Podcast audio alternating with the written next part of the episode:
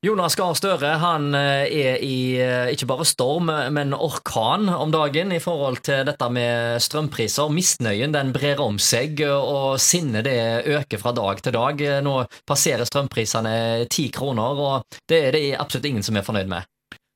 Nei, det er ikke det. Så jeg eh, så dette her med den debatten til, som var under Arendalsuka, hvor Støre sier det at han ønsker ikke å være statsminister i et eh, land som ikke vil være solidarisk med Europa når det gjelder dette med energisituasjonen. Og at vi ja, med Europa, sier han. Han mener Tyskland og England? Ja, og, og, det er jo det at eh, en ser på men, men Han mener da altså at dette med høy strømpris, det må vi kunne tåle. Uh, og, fordi vi skal være solidariske? Fordi vi skal være solidariske, og da syns jeg han tar litt feil. fordi at hvis vi vil være solidariske med Europa, så kan vi ta oss eventuelt halvere prisen på gass. og si at vi, Norge vi har så mye penger at vi kan sende denne her gassen eh, til en uh, subsidiert pris ned til Europa.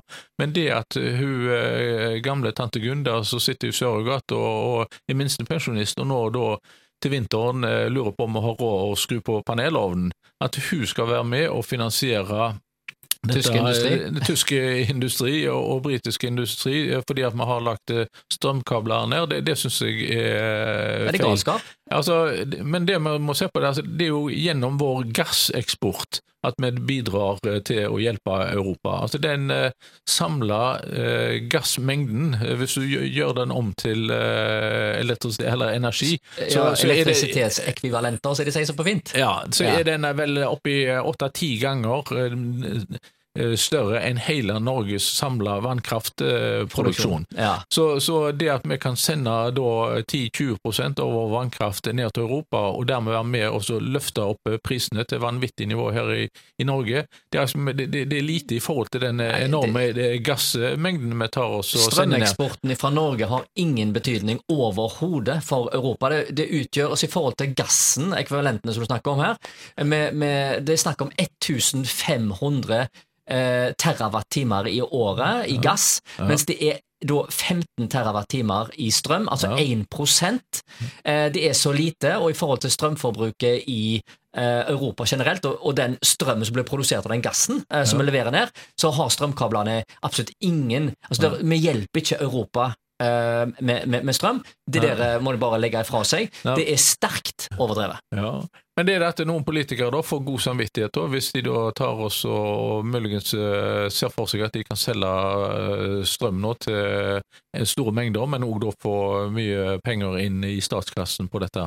Jeg har tidligere trukket paralleller til faktisk første verdenskrig, må gå så langt tilbake, altså 1914-1918 hvor eh, Norge var jo nøytral under første verdenskrig, men likevel så stopp, fikk vi jo stor varemangel eh, da. Og det som skjedde da, eh, det var jo det altså at eh, det var stor forskjell på rik og fattig den gang, da, men det som ble innført, det var at en fikk for eksempel hver husstand fikk utdelt så og så mye ved til en subsidiert pris. Vi fikk òg utdelt visse mengder Eh, mel eh, til en eh, fast pris, og en faste, altså det ble innført kommunale bakeriene ble innført, altså alle private bakerier måtte da tilpassa seg det som da kommunen bestemte at brødprisene skulle være. Nettopp for at, ikke skulle, altså at vanlige folk skulle kunne ha tilgang til å både kjøpe mat og få ved. Når det gjelder strøm, da, så bør en da kanskje eh, ta oss og vurdere dette at hver husstand skal få en viss mengde eh, strøm til en eh, subsidiert pris. Har du en diger bolig og har da kanskje et eh, basseng som du da prioriterer å varme opp, ja, da får du heller betale det som er markedspris da. Men at i alle fall ta sørg for altså at eh, Eh, alle får en viss kvote strøm til en eh, moderat eh, pris.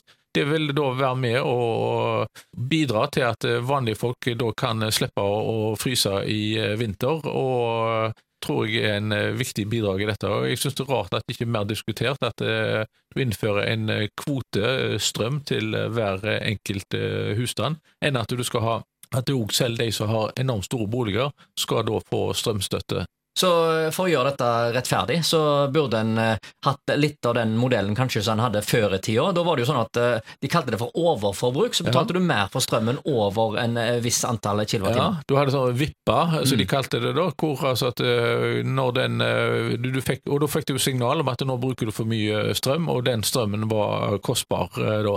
Den har, ordningen den har kraftverkene hatt tidligere, og den kunne de òg da innført nå, da.